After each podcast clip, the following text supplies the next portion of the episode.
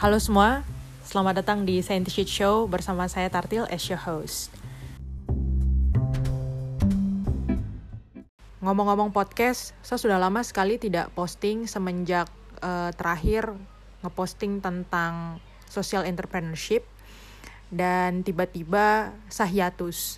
Sebenarnya itu bukan karena tanpa sebab, karena beberapa bulan belakangan ini tuh kayak banyak hal yang terjadi lah istilahnya kayak gitu. Uh, itu saya punya alasan saja sih sebenarnya karena mungkin banyak load kerjaan uh, istilahnya ada hal yang saya kerjakan gitu dan akhirnya ya podcast ini jadi terbengkalai padahal topik yang ingin saya bicarakan tuh lumayan banyak dan ada banyak orang yang saya sudah reach out untuk ngobrol sama saya di podcast. Tapi itu ya pelajaran buat teman-teman yang ingin melakukan sesuatu gitu ya supaya tidak bosan, bukan hanya sekedar istilahnya panas-panas tai ayam saja. Ups, mohon maaf. Begitu. Uh, jadi memang sebaiknya konsisten melakukan walaupun sedikit karena kalau ada delay ada delay gitu ya pokoknya ada delay saja itu akan mengakibatkan kita tuh udah kayak lupa semuanya. Jadi saya bahkan eh, topik-topik uh, sebelumnya untuk podcast itu saya sempat kayak nggak tahu saya taruh di mana gitu. Catatan juga sampai scroll ke bawah di mana mungkin saya sudah hapus dan lain sebagainya. Akhirnya saya mengumpulkan lagi puing-puing uh, ingatan yang pernah saya timbun dulu seperti itu.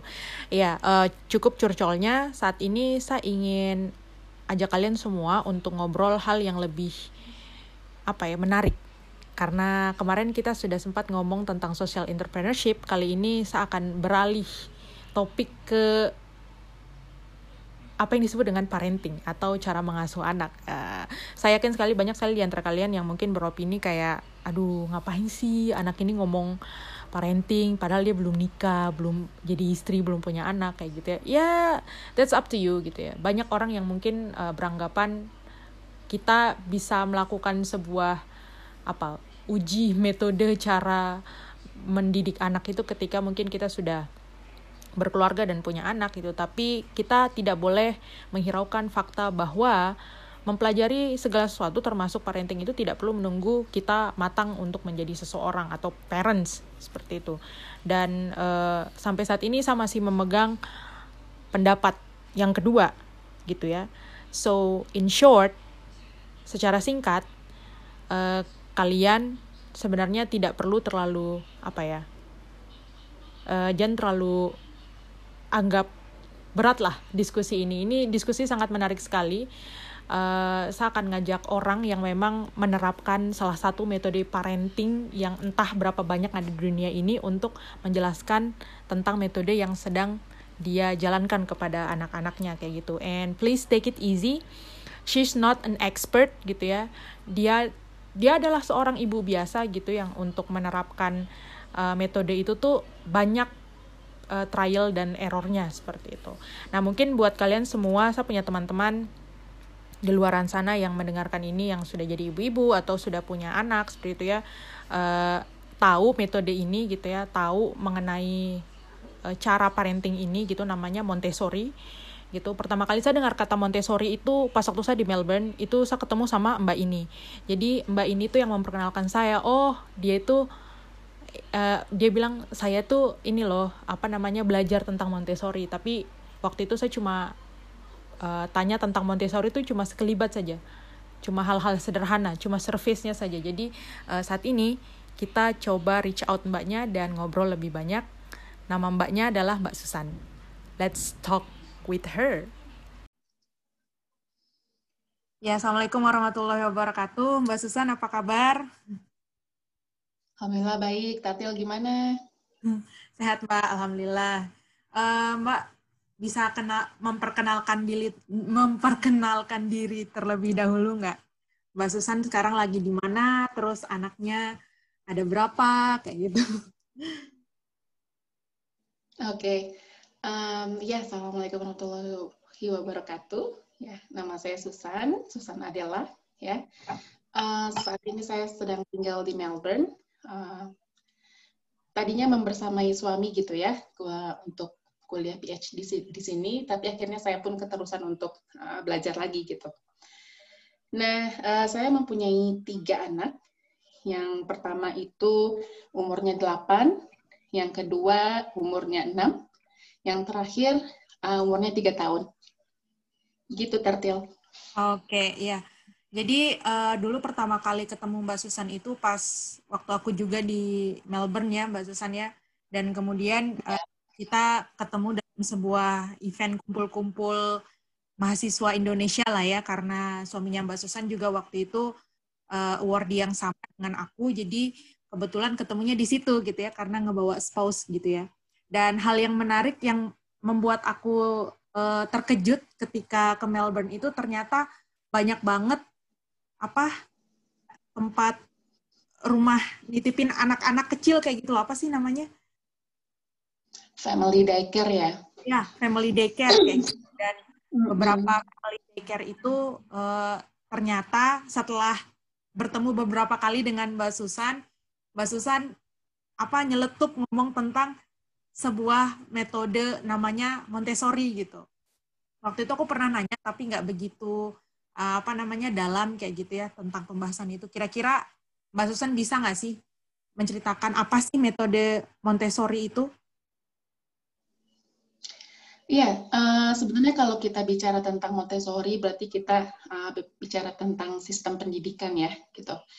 Nah, mungkin kita bisa lihat dulu nih sejarah pendidikan itu uh, dari dulunya itu gimana kayak gitu. Jadi uh, dalam sejarahnya sistem pendidikan konvensional itu ya ada dua fondasi ideologi yang mendasarinya gitu. Yang pertama itu uh, apa namanya sistem konvensional dengan model model pabrik gitu ya. Dan yang kedua adalah model sekolah konvensional yang berangkat dengan uh, menganggap anak-anak sebagai empty vessel atau uh, atau wadah kosong yang lebih dikenal sebagai uh, behaviorist ya. Kayak gitu. Nah, kedua kedua ideologi ini yang menjadi fondasi kuat gitu, yang mereka saling saling apa namanya saling melengkapi gitu keduanya sehingga menjadi sistem pendidikan yang banyak dipakai dari dulu hingga sekarang gitu di dunia kayak gitu. Nah kalau kita lihat nih secara singkat kedua sistem uh, pendidikan ini bisa dilihat dengan uh, kelas gitu ya.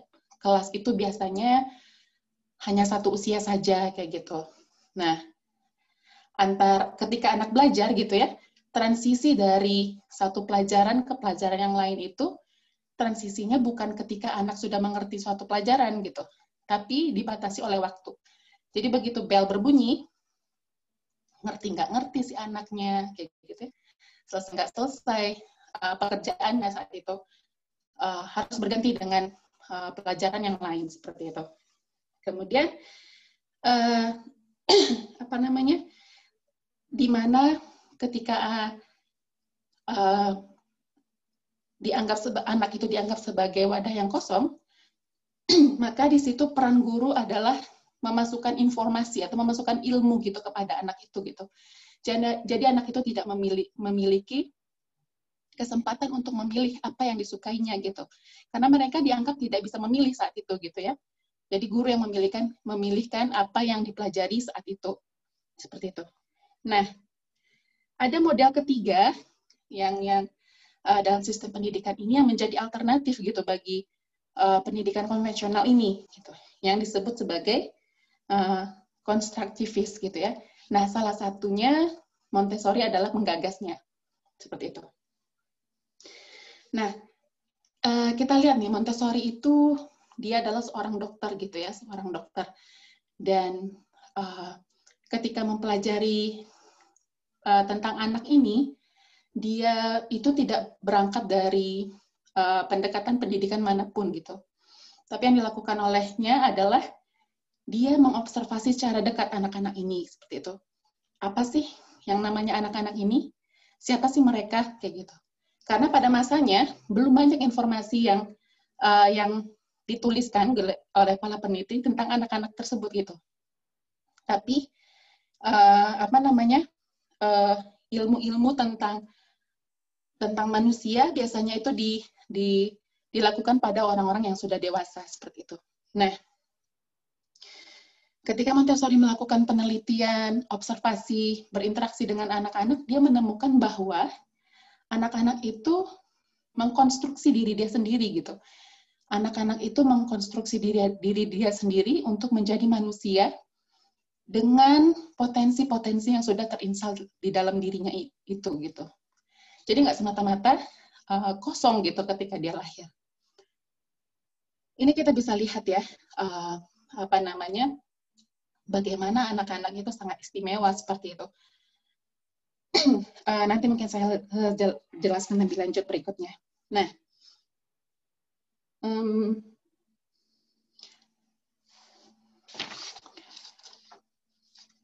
Nah, jadi si Montessori ini uh, kemudian melihat bahwa anak-anak itu memiliki karakter yang berbeda gitu antara uh, rentang umur tertentu seperti itu, sehingga dia merumuskan apa yang namanya uh, four plan of development gitu ya.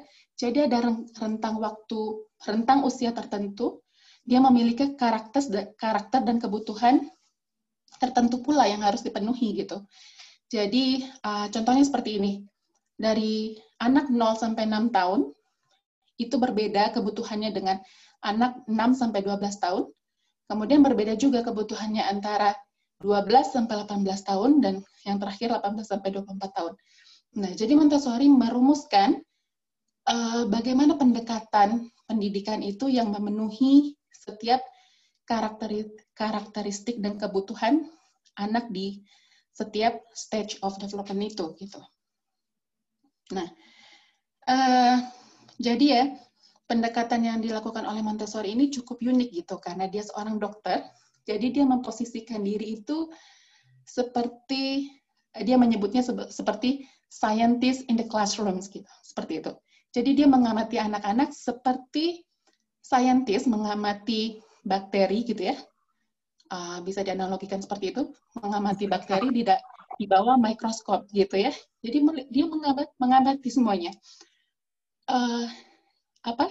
Dari situ dia mulai mencatat, oh bahwa semua karakteristik yang dilakukan oleh anak-anak di usia dini itu sama di mana-mana pun, di belahan dunia mana pun sama seperti itu. Makanya dia mulai uh, melihat bahwa oh ternyata anak usia dini itu belajarnya itu seperti ini gitu karakter mereka tuh seperti ini, kebutuhan mereka tuh seperti ini. Nah, nggak cukup sampai di situ, nggak cukup cuma hanya sampai tahu di mana uh, karakter mereka, kebutuhan mereka, tapi bagaimana kita merespon terhadap itu. Nah, di situlah hadirnya Montessori seperti itu, Tante. Oke, ya berarti intinya terlepas di mana pun anak-anak itu di apa namanya dibesarkan gitu ya, mau di belahan bumi mana pun, di rentan usia tertentu tuh mereka memiliki kebutuhan yang sama, entah mau dia di belahan bumi utara, selatan, Indonesia, begitu ya.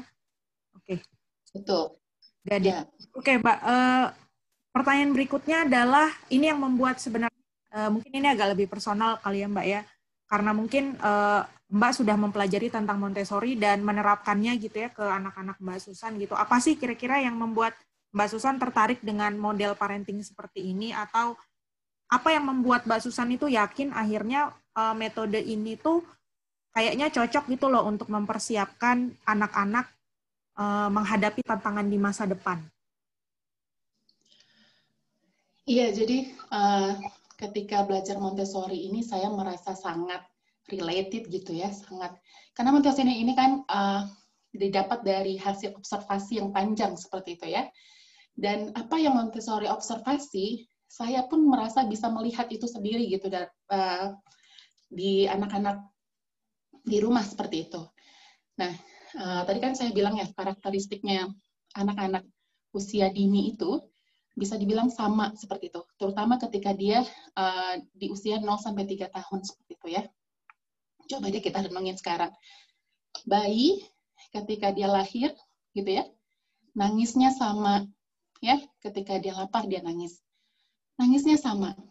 Tapi apa nanti yang membuat dia berbeda? Yang membuat ber, dia berbeda adalah ketika mereka mulai berbicara. Itu yang akan membedakan bayi-bayi di seluruh dunia ini akan berbeda. Karena apa? Dia menyerap bahasa sesuai dengan tempat dia tinggal, kayak gitu. bayi-bayi di Indonesia akan berbahasa Indonesia. Bayi-bayi di Australia mungkin ya, mereka akan berbahasa Inggris seperti itu. Di situlah saya melihat bahwa, wah, Masya Allah ya, benar. Ternyata anak-anak itu terlahir dengan segala potensi yang sudah ada di dalam di dalam dirinya yang sudah terinstal di sana kayak gitu. Jadi mereka itu lahir ke dunia, uh, istilahnya apa ya? Dia meng, dia uh, menyerap apa pun yang ada di sekitarnya dia untuk mengkonstruksi dirinya menjadi manusia, menjadi bagian dari masyarakat di mana tempat dia tinggal seperti itu. Nah, kenapa saya bilang saya merasa sangat related dan melihat ini uh, pada anak-anak sendiri gitu ya? Jadi yang paling kecil itu kan lahir di sini. Tapi tahu ya, pernah sempat ketemu juga kan ya. Nah, ya. aku sama suami itu kan di uh, di rumah istilahnya pakai bahasa Indonesia gitu ya. Uh, kakak-kakaknya pakai bahasa Inggris lah kayak gitu. Nah, ketika si kecil mulai berbicara, saya tadi expect-nya dia akan berbahasa Indonesia gitu. Tapi ternyata, Masya Allah, dia malah berbahasa Inggris seperti itu. Nah, jadi saya merasa bahwa, wah Masya Allah, tanpa diajari, tanpa diajari berbahasa Inggris atau berbahasa Indonesia, dia memilih sendiri untuk mengekspresikan dirinya pakai bahasa apa, seperti itu. Jadi itu Masya Allah banget kayak gitu. Dan uh, dan saya merasa bahwa, merasa yakin bahwa, iya, anak-anak itu dia punya potensi, dan fungsi kita sebagai orang tua, sebagai pendidik adalah menjadi guide supaya dia bisa memenuhi potensi dia secara paripurna. Menjadi orang yang ditakdirkan seperti apa nanti dia di, uh, ketika dia besar seperti itu. Itu yang satu. Terus um, kenapa saya suka gitu ya dengan metode Montessori ini karena melihat anak-anak itu sebagai individual yang utuh seperti itu. Jadi melihat anak-anak itu bukan sebagai mini-me gitu ya, bukan sebagai duplikat orang tua yang berukuran kecil, tapi melihat dia sebagai pribadi A, B, dan C gitu. Dia tidak harus sama dengan kakaknya, dia tidak harus sama dengan adiknya, bahkan dia tidak harus sama dengan anak-anak yang lain kayak gitu. Karena dia uh, apa? Dia berada dalam tracknya sendiri uh, dalam menjadi uh, menjadi manusia gitu dalam dalam fase dia menjadi manusia seperti itu. Jadi bukan itu membuat saya lebih rileks gitu loh Tartil bahwa saya yakin dia akan dia akan sampai pada masanya misalnya kayak gini. Aduh kok anak saya lama ya jalannya kayak anak si Anu udah cepet jalannya kayak gitu. Nah yeah. itu tuh membuat saya lebih rileks dalam artian oh saya nggak perlu membedakan anak-anak saya dengan orang lain gitu, bahkan dengan kakaknya sendiri kayak gitu, karena dia punya fasenya sendiri, dia punya uh, apa namanya timelinenya sendiri kapan dia uh, berjalan, kapan dia berbicara seperti itu. Nah itulah yang apa namanya insight dari uh, Montessori gitu ya, yang cukup me, apa namanya merubah cara pandang saya gitu melihat anak-anak kayak gitu bahwa sekecil apa pun yang mereka lakukan, sekecil apa pun perbedaan yang mereka lakukan, itu membuat dia adalah dia seperti itu. Seperti itu sih Tartil. Oke, uh, jadi yang bisa aku tangkap sih kayaknya memang uh, metode Montessori ini apa ya? Uh, itu tuh kayak sudah intinya menyadarkan orang tua kalau misalnya anak itu punya timingnya sendiri yang itu sebenarnya uh, tidak perlu dikhawatirkan oleh orang lain gitu ya. Kira-kira Mbak berkaitan dengan uh, kenapa Mbak memilih metode ini, kira-kira saya nggak tahu nih uh, apa namanya ada berapa banyak metode parenting yang ada di dunia ini gitu ya. Tapi uh, kira-kira hmm. sih prinsip yang paling menonjol yang uh, metode ini tuh tunjukkan sehingga Mbak atau orang-orang lain yang ada di Melbourne tuh akhirnya mendalami metode ini? Hmm, ya, uh, ini juga yang menarik ya gitu. Bahwa um, apa namanya tuh perkembangan anak gitu ya, perkembangan anak yang uh, goal gitu ya, goal utama dari perkembangan anak itu adalah bagaimana dia beradaptasi gitu ya, beradaptasi dengan lingkungannya untuk menjadi manusia yang mampu berperan dalam lingkungannya itu nanti seperti itu. Uh, dan tentunya mendunia seperti itu ya. Nah, dalam rangka uh, beradaptasi ini, mereka punya uh, power gitu ya, punya power yang memang sudah dibawa sejak lahir. Kalau Montessori menyebutnya dengan absorber mind, kayak gitu ya. Jadi anak-anak ini mempunyai kemampuan untuk menyerap apa pun uh, di, di lingkungan dia dalam rangka mengkonstruksi diri dia seperti itu. Nah, kalau dianalogikan uh, absorber mind ini seperti kamera gitu Tartil. Jadi nih kalau kamera begitu dia ngecekrek sesuatu gitu ya, dia menyekrek apa? Dia mengcapture sesuatu sesuatu itu sangat detail gitu kan. Hmm. Uh, bisa menyerap, bisa menangkap emosi sedetail-detailnya ada serangga di uh, di apa namanya di di tumbuhan dia bisa melihat itu walaupun dia kecil, misalnya lagi moto tartil nih di di tanaman ada serangga di situ, itu pun ke capture seperti itu. Sebegitu detailnya. Nah, uh, itu membuat kita sebagai orang tua jadinya harus berhati-hati gitu karena kemampuan itu, karena kemampuan anak itu tadi. Gitu ya. Nah, jadi apa?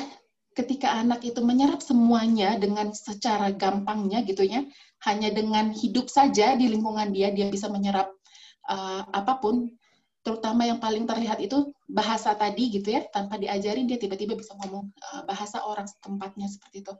Itu membuat kita berhati-hati untuk menye menyediakan lingkungan gitu buat anak-anak kita seperti itu. Lingkungan apa yang yang yang akan di capture oleh anak-anak kita. Dan something yang uh, sesuatu yang mereka capture itu sesuatu yang mereka tangkap itu sesuatu yang mereka serap itu itu akan fix menjadi bagian dari dalam hidup dia. Menjadi bagian dalam diri dia sampai kapan pun.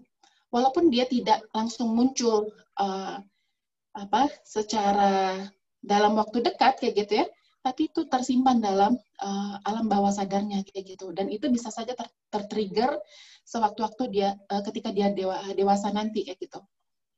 Nah, itu menjadi pengingat gitu buat kita sebagai orang tua, lingkungan apa yang ingin kita sediakan buat anak-anak kita sehingga dia merasa menjadi bagian dari lingkungan itu gitu.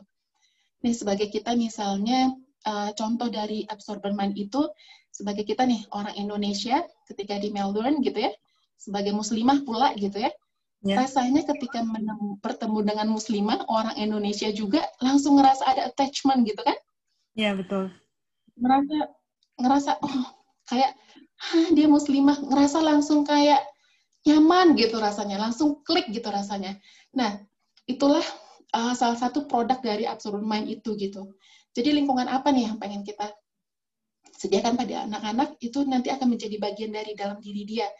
Ketika misalnya kita dekatkan dia dengan lingkungan orang-orang yang uh, apa namanya, ya misalnya komunitas Indonesia, kemudian juga uh, sesama Muslim, dia akan punya koneksi itu nantinya seperti itu.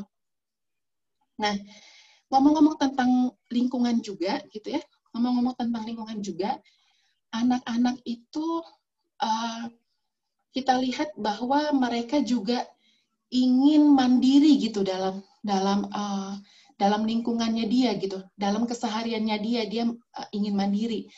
Kita bisa lihat gitu tartil kalau kita ingin merenung, merenungkan bahwa semakin besar anak itu mereka semakin ingin mandiri. Mungkin ketika dia kecil gitu ya di dalam perut semuanya di provide oleh orang tua, makanan segala macam di provide orang tua gitu ya ketika dia lahir dia um, apa namanya nggak semua lagi di provide sama orang tua tapi ada masih ada beberapa yang di provide tapi kayak nafas dia bisa sekarang nafas sendiri seperti itu yeah. Ya. uh, tapi masih dalam gendongan orang tua masih menyusup pada orang tua pada ibunya seperti itu ya nanti ketika dia sudah makan makin berkurang tuh ininya tidak lagi menyusu seperti uh, ketika masih sangat bayi dulu seperti itu ketika nanti dia berjalan, mulai berjalan, dia nggak mau lagi dipegangin gitu. Apalagi nanti kalau udah bisa lari, udah deh lari gitu. Nah, Montessori melihat ini bahwa anak-anak itu nature-nya ingin mandiri seperti itu. Maka lingkungan, lingkungan rumah gitu ya, terutama di rumah misalnya atau di sekolah itu dia create sebagai uh, sebagai sedemikian rupa supaya mendukung karakteristik ini gitu, membutuh ke, mendukung kebutuhan ini gitu uh, untuk mandiri ini gitu. Nah makanya yang saya mulai uh, terapkan di rumah, at least gitu ya, menyediakan uh, semuanya itu mudah diakses gitu uh, buat anak-anak gitu, mengambil minum sendiri gitu misalnya gitu ya. Um, sikat gigi mau sikat gigi dia bisa ngidupin uh, water tap sendiri bisa ngoles uh, odol ke apa namanya ke sikat gigi sendiri seperti itu. Hal-hal kecil seperti itu gitu. Jadi uh, mungkin sebagian orang berpikir bahwa Montessori itu um, sangat menakjubkan dari segi material gitu ya hmm. material uh, alat bantu belajar seperti itu ya memang benar tapi filosofinya dia itu uh, sangat apa ya namanya tuh sangat sangat dekat sekali dengan keseharian kita seperti itu. Jika itu ter, diterapkan, walaupun misalnya di rumah nggak punya material, itu insya Allah anak-anak bisa berkembang dengan baik seperti itu. Seperti itu, Kartil. Ya, tinggal apa namanya, tinggal pinter-pinter ibunya aja ya. Kalau misalnya udah memahami sebenarnya konsep Montessori itu seperti apa, bahkan uh, apa pun yang ada di rumah di sekitar mereka itu bisa menjadi alat buat mereka mengekspresikan diri gitu ya. Aku sempat lihat apa namanya storynya Mbak Susan juga. Jadi eh, anak-anak tuh benar-benar di provide banget dengan barang-barang yang di rumah gitu. Jadi bukan bukan apa namanya bukan hal-hal yang begitu uh, apa istilahnya mahal lah ya seperti itu. Ngomong-ngomong tentang ya, betul. parenting nih Mbak, pasti kan hmm. banyak banget nih uh, apa namanya pendapat orang beda-beda gitu kan apalagi ibu-ibu di seluruh dunia ini aku pribadi nggak tahu berapa jumlah metode parenting satu-satunya metode parenting yang aku tahu cuma Montessori yang itu pun uh, waktu itu kita pernah ngobrol cuma sekelibat dari Mbak Susan gitu kira-kira pernah nggak sih ada clash sama ibu-ibu entah dari ibu-ibu di situ atau ibu-ibu di online gitu mengenai uh, metode parenting ini gitu atau bahkan mungkin dari mungkin mertua Mbak sendiri atau ibu ibunya Mbak Susan sendiri mengenai cara mendidik anak gitu. Itu kan beda ya, beda generasi, beda uh, apa namanya, beda cara mendidik anak gitu. Kira-kira pernah nggak mendapatkan uh, perbedaan, perselisihan pendapat dan bagaimana Mbak menyikapi hal itu? Iya, kalau saya tipikal orangnya nggak suka ini ya, eh, nggak suka berdebat seperti itu ya. Jadi kalau misalnya melihat pertempuran dalam tanda kutip di sosial media, saya lebih memilih untuk uh, itu pilihan mereka, ini pilihan saya seperti itu. Um, kalau misalnya dari orang tua, um, sempat ada, tapi bukan menentang kayak gitu, cuma kayak merasa uh, merasa heran karena nggak nggak terbiasa seperti itu ya. Nah kan di rumah itu semuanya accessible gitu ya. Bahkan kalau misalnya mau makan buah, mau motong sendiri, pisau kecilnya ada seperti itu. Nah orang tua kita kan biasanya, oh no itu uh, berbahaya gitu kan, itu bahaya masa akan anak kecil uh, dibiarin pegang pisau seperti itu. Nah uh, kita mengerti banget gitu orang tua kita berpikir seperti itu uh, kita bisa mengerti seperti itu ya uh, nah tapi dalam uh, dalam dalam apa namanya pendekatan Montessori kita melihat tadi kan uh, udah udah saya sampaikan ya bahwa nature-nya anak-anak itu pengen mandiri nah supaya uh, si pisau ini tadi tidak melukai anak-anak bukan dengan bukan dengan tidak memberikannya pada anak-anak gitu Maksudnya bukan dengan menyimpannya kayak gitu ya, atau kita yang menolong dia mengerjakan semuanya. Bukan, tapi dengan memberikan si anak ini skill kayak gitu. Gimana sih memegang pisau itu yang yang benar sehingga uh, bisa memotong buah itu dengan baik dan tidak melukai tangan seperti itu. Dan itu nggak instan tartil, itu nggak instan, tapi masya Allah itu benar-benar uh, jika jika berhasil ya itu benar-benar apa yang namanya sangat membantu sekali gitu terutama uh, seperti keluarga kami gitu ya. Ya Tartil tahu ya orang-orang yang tinggal nah, di sini yeah. merantau gitu ya nggak bi nggak bisa nyewa pembantu seperti itu kan. Privilege itu nggak ada gitu di sini jadi memberdayakan anak di mana memang nature-nya ingin seperti itu itu tuh sangat masya Allah gitu. Nah memberikan skill gitu ya. Uh, misalnya apa? Misalnya anak-anak juga ingin memasang uh, baju sendiri gitu atau ingin memasang sepatu sendiri. Itu tuh memang masih ada di dalam uh, di dalam masyarakat kita kayak uh, aduh lama nih anaknya. Yaudah deh dipakein aja sepatunya sini bunda pakein kita kita tuh kadang-kadang menjadi orang tua sangat helpful gitu ya sangat hmm. sayang sama orang sama anak kita gitu melihat anak kita kesulitan sedikit kita langsung buru-buru membantu gitu Padahal uh, bantuan yang kita berikan uh, secara berlebihan gitu ya, itu malah justru akan menghambat perkembangan anak kita sendiri seperti itu. Yang harusnya dia bisa melakukan itu sendiri, yang memunculkan akhirnya nanti memunculkan kepercayaan diri dia gitu ya, kita halangi dengan kita mengerjakan semuanya buat dia gitu. Nah ini menarik sekali ketika uh, misalnya kita terus-menerus membantu anak-anak kita, maka persepsi yang ditangkap oleh anak-anak itu adalah, hmm, Bunda memang bisa ngerjain semuanya nih, aku nggak bisa apa-apa, seperti itu. Tapi berbeda ketika kita memberikan bantuan yang cukup, gitu, dalam tanda kutip, misalnya nih, uh, apa, misalnya nih dia mau botol, mau buka botol air minum, gitu ya, kita cuma ngendorin tutupnya aja, gitu terus selebihnya dikasih ke dia. Seperti itu. Jadi bantuan yang cukup itu uh, seperti itu gitu. Jadi nggak kita bukain sampai habis gitu ya. Terus hmm. anak-anak tinggal neguk airnya. Tapi ada effort gitu dari dia, ada ada usaha dari dia uh, apa namanya untuk untuk berusaha juga untuk uh, memenuhi kebutuhannya dia seperti itu.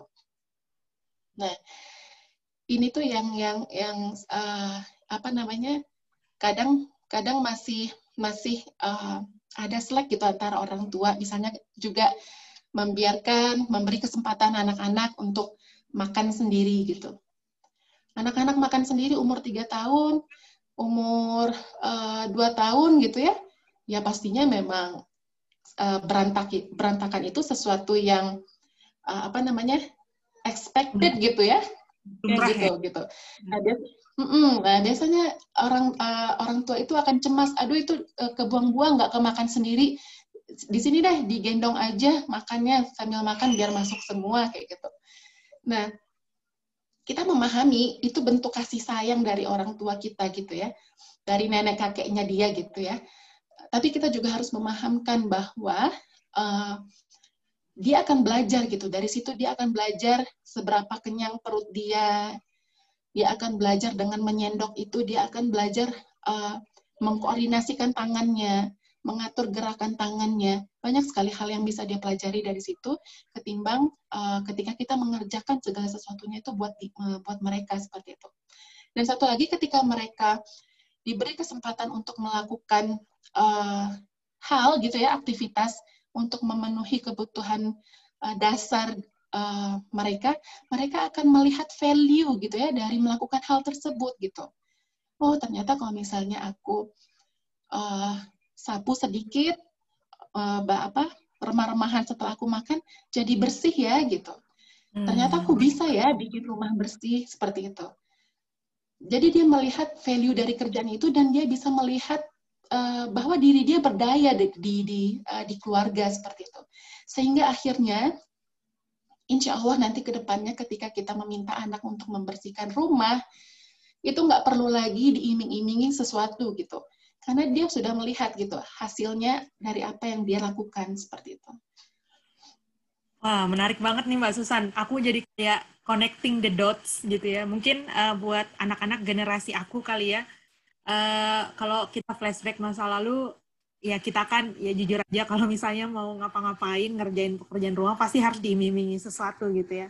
Jadi mungkin itu like pas waktu kita di bringing up but itu bukan jadi salah satu alasan untuk uh, apa ya istilahnya uh, menjadi rebel untuk saat ini gitu ya. Enggak tapi kayak jadi kayak oh oke okay, aku ngerti sekarang kenapa aku jadi dulu kayak gini orangnya dan kayak begitu dan seterusnya gitu. Ternyata uh, akhirnya aku memahami dengan metode Montessori ini gimana ya kayak membantu orang tua, ibu gitu untuk membantu anak-anak mereka supaya menyadari apa tanggung jawab dan hak mereka kayak gitu secara nggak langsung kayak gitu ya mbak ya Iya betul karena memang basically kita hanya mensupport uh, nature mensupport sesuatu yang uh, coba mereka tampakkan kepada kita gitu. Tapi nah. melihat kan kalau misalnya anak-anak lagi ngerjain apa gitu, pengen hmm. ngerjain sesuatu yang kita kerjain kayak gitu kan? Benar benar. Dia ingin benar. gitu tandanya dia ingin menjadi bagian dari uh, dari apa yang sedang kita lakukan, which is menjadi bagian dari keluarga kita gitu. Misalnya kita lagi nyuci dia pengen ikutan gitu kan? Kita lagi nyuci hmm. piring dia lagi pengen ikutan. Kita nyapu dia juga pengen ikutan. Tandanya dia ingin menjadi bagian dari keluarga kita kayak gitu. Nah itu yang harus kita uh, pupuk terus gitu ya. Hmm. Bukan dengan malah eh, kamu lama ngerjainnya, bunda aja deh jadi lama nih ngerjain uh, ininya rumahnya. Nah, kalau misalnya kita akan memberikan tanggapan seperti itu terus kepada mereka, yang persepsi yang ada di uh, diri mereka itu, oh ya udah uh, kerjaan rumah itu kerjaan bunda seperti itu. Nah, nanti ketika dia udah agak gedean lagi, diminta untuk, uh, dek bantuin dong uh, bersihin rumah gitu misalnya. Males itu kan kerjaan bunda karena dia nggak melihat value itu gitu karena dia nggak experience itu gitu, nggak nggak merasa itu sebagai uh, rutinitas kehidupan seperti itu Tartil. Bahwa itu semuanya dikerjain bunda gitu ya, uh, aku iya, main iya. aja gitu. Nah sekarang aku main diminta bersihin rumah, buat apa kayak gitu. Jadi dia nggak melihat value itu gitu. Sehingga kita jadi orang hmm, sebagai orang tua kelimpungan jadinya ya.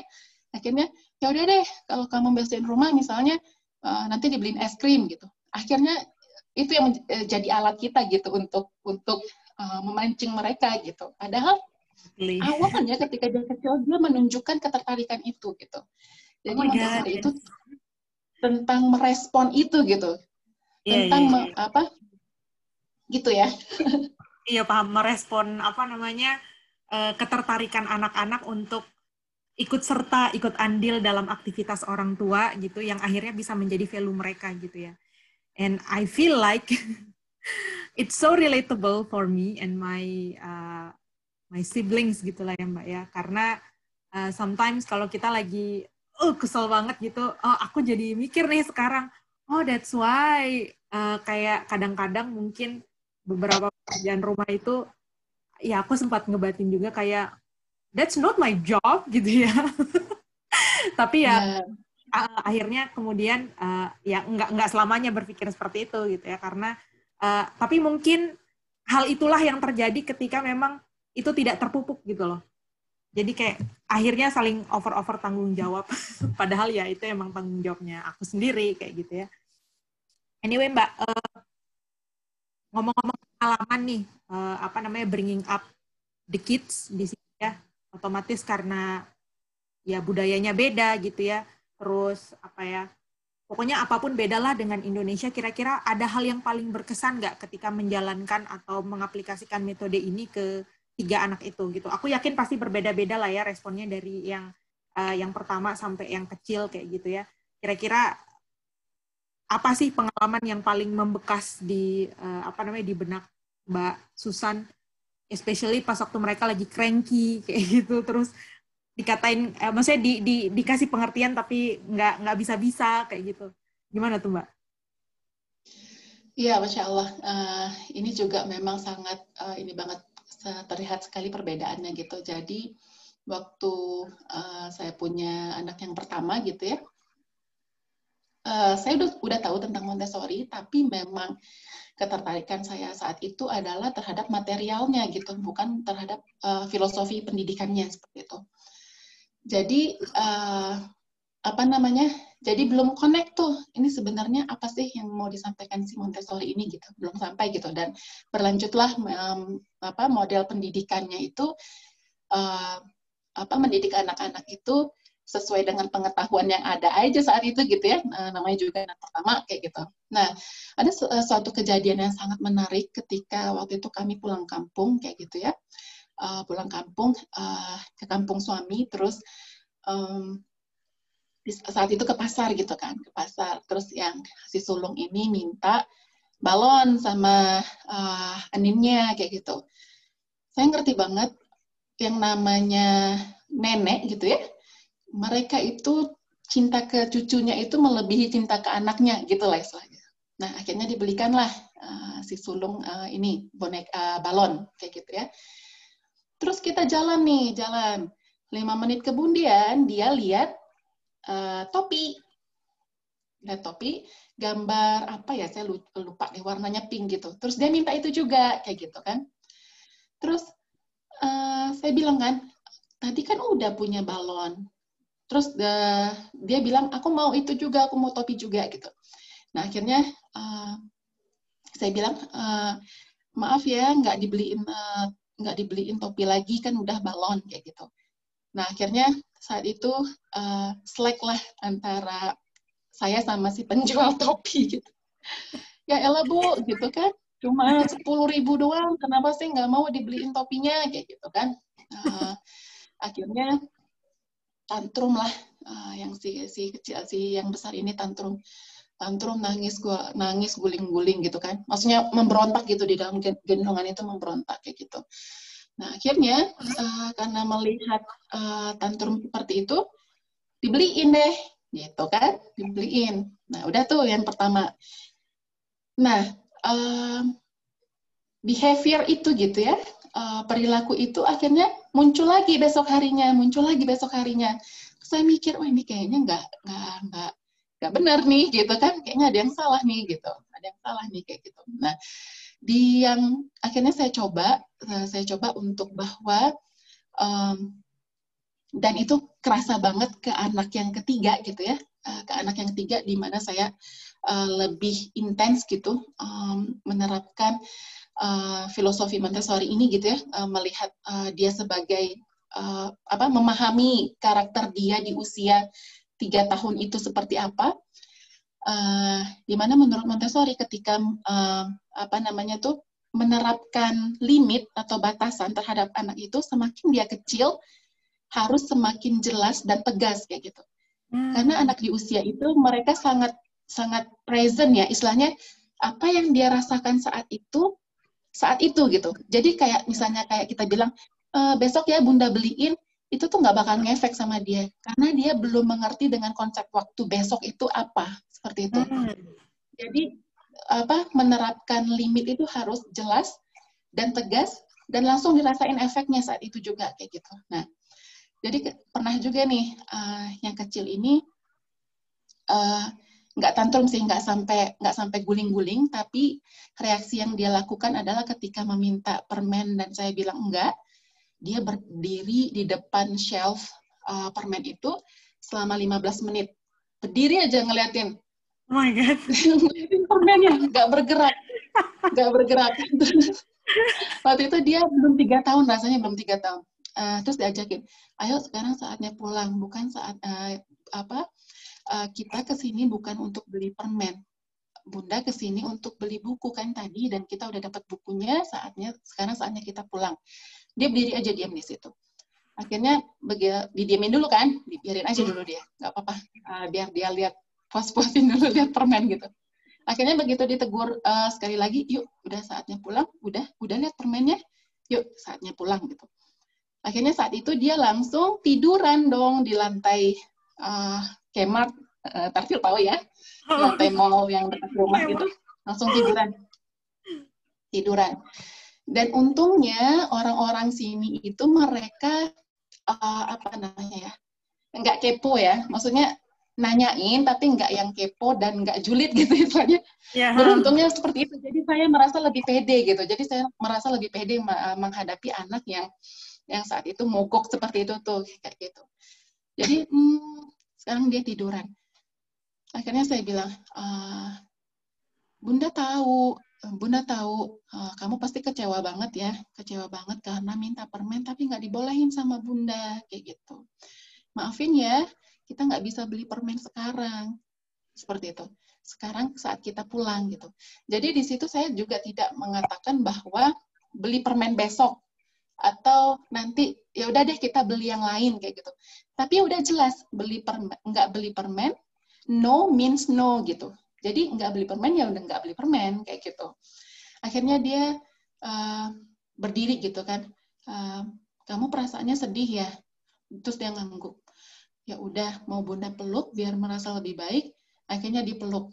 Dipeluk kan, habis dipeluk udah dia jalan seperti biasa tanpa ada nangis. Dan itu Masya Allah, berikut-berikutnya mau ke mana pun, mau ngelihat permen semenarik apa pun, coklat semenarik apa pun, itu lewat aja gitu. Dan itu merasa, Masya Allah ya, ternyata anak kecil itu ketika kita tahu uh, cara menghadapinya, dia pun mengerti gitu. Dia pun mengerti dia tuh tahu oh kalau bunda bilang enggak itu tandanya enggak kayak gitu bukan enggak terus ketika nanti aku nangis sedikit berubah jadi iya seperti itu nah hmm. itu tuh belajar konsisten untuk uh, apa namanya belajar konsisten untuk ses, uh, tetap pada pendirian kita itu tuh kadang-kadang tuh susah banget loh tartil.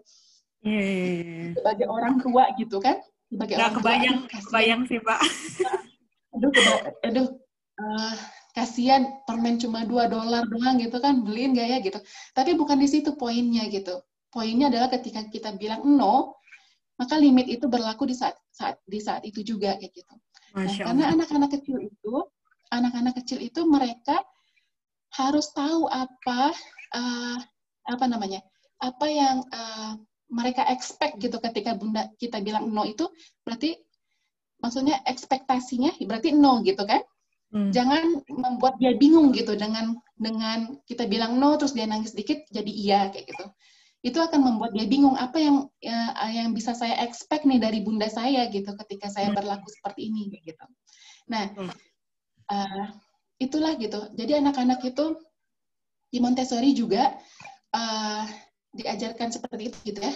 Uh, instead of punishment gitu ya, hmm. ajarkan mereka lewat konsekuensi seperti itu.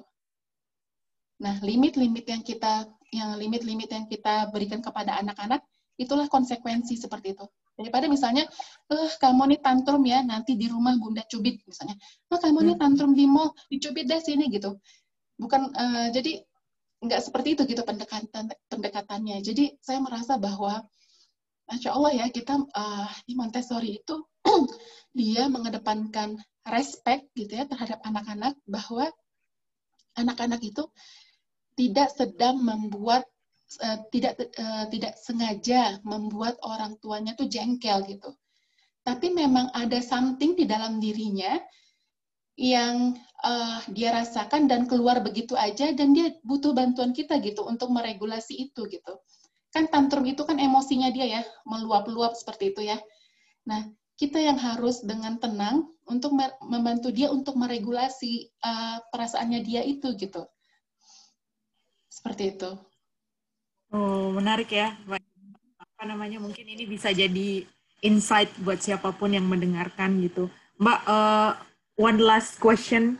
Uh, sebenarnya ini bukan question sih, Mbak. Uh, mungkin adakah pesan buat ibu-ibu uh, dan calon ibu di luar sana yang mungkin uh, anak-anaknya masih balila eh batita balita ya gitu ya dan kira-kira gimana sih uh, buat siapa pun yang mungkin tertarik dengan pembahasan kita uh, tentang Montessori ini untuk bisa nge-reach out Mbak itu bisa mengunjungi Mbak ke mana? Di Instagram apa, terus mungkin Mbak punya page sendiri apa? Kayak gitu, mungkin Mbak bisa informasikan.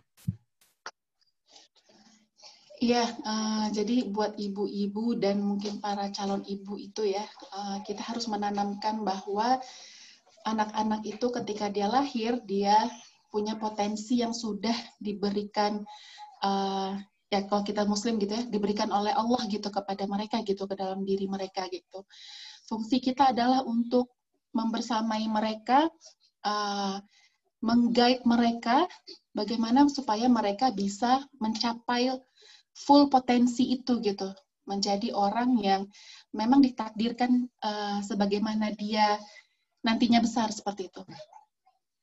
Nah, uh, apa namanya?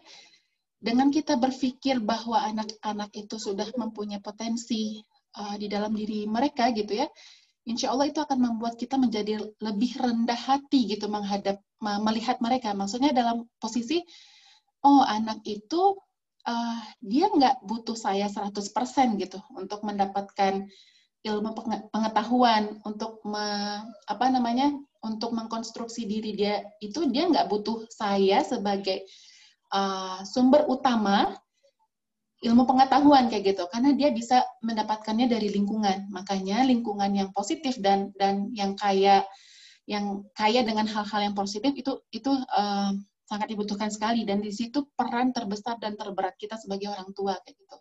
Kemudian melihat anak-anak itu tadi ya sebagai uh, pribadi yang utuh kayak gitu. Tiga anak tiga pendekatan dan uh, apa namanya lingkungan yang kita yang kita sediakan buat mereka pun yang sesuai gitu dengan dengan ini mereka eh, sesuai dengan usia mereka dan uh, sesuai tahap perkembangan mereka. Seperti itu. Terus uh, apalagi tadi Tartil pertanyaannya? Oh iya kalau mau ini ya kalau mau ngobrol-ngobrol sama saya ya. Hmm. um, ya sebenarnya saya juga lagi sedang uh, ini ya me, membuat website tapi memang belum tergarap dengan baik gitu. Saya ingin lebih aktif menulis sebenarnya di website karena saya tipikal pemalu sebenarnya untuk untuk biasanya kan orang-orang orang-orang senang untuk melakukan Instagram live atau semacam itu ya. Yeah, saya Uh, lebih tipikal yang suka menulis seperti itu sebenarnya. Mudah-mudahan itu bisa uh, nanti uh, apa namanya terrealisasi. Uh, untuk sementara ini bisa ini sih bisa uh, connect apa namanya dengan connect dengan saya dengan uh, lewat Instagram susan.adela ya at susan.adela ya itu di ya. Instagram Oke. Seperti jadi, jadi nanti mungkin teman-teman pendengar bisa uh, apa namanya bisa ngelihat profilnya Mbak Susan dan mungkin di situ ada apa namanya alamat website yang tempat Mbak Susan menuliskan keseharian eh, anak-anak. Uh, Mbak, thank you banget uh, untuk kesediaannya. Asik banget ngobrol tentang uh, Montessori ini gitu. Uh, harapannya nanti insya Allah kita bisa ketemu. Salam saya sama uh, The Kids, Mbak. Iya, makasih banyak ya Tartil. Kamu juga sehat-sehat ya di sana. Thank you, Mbak.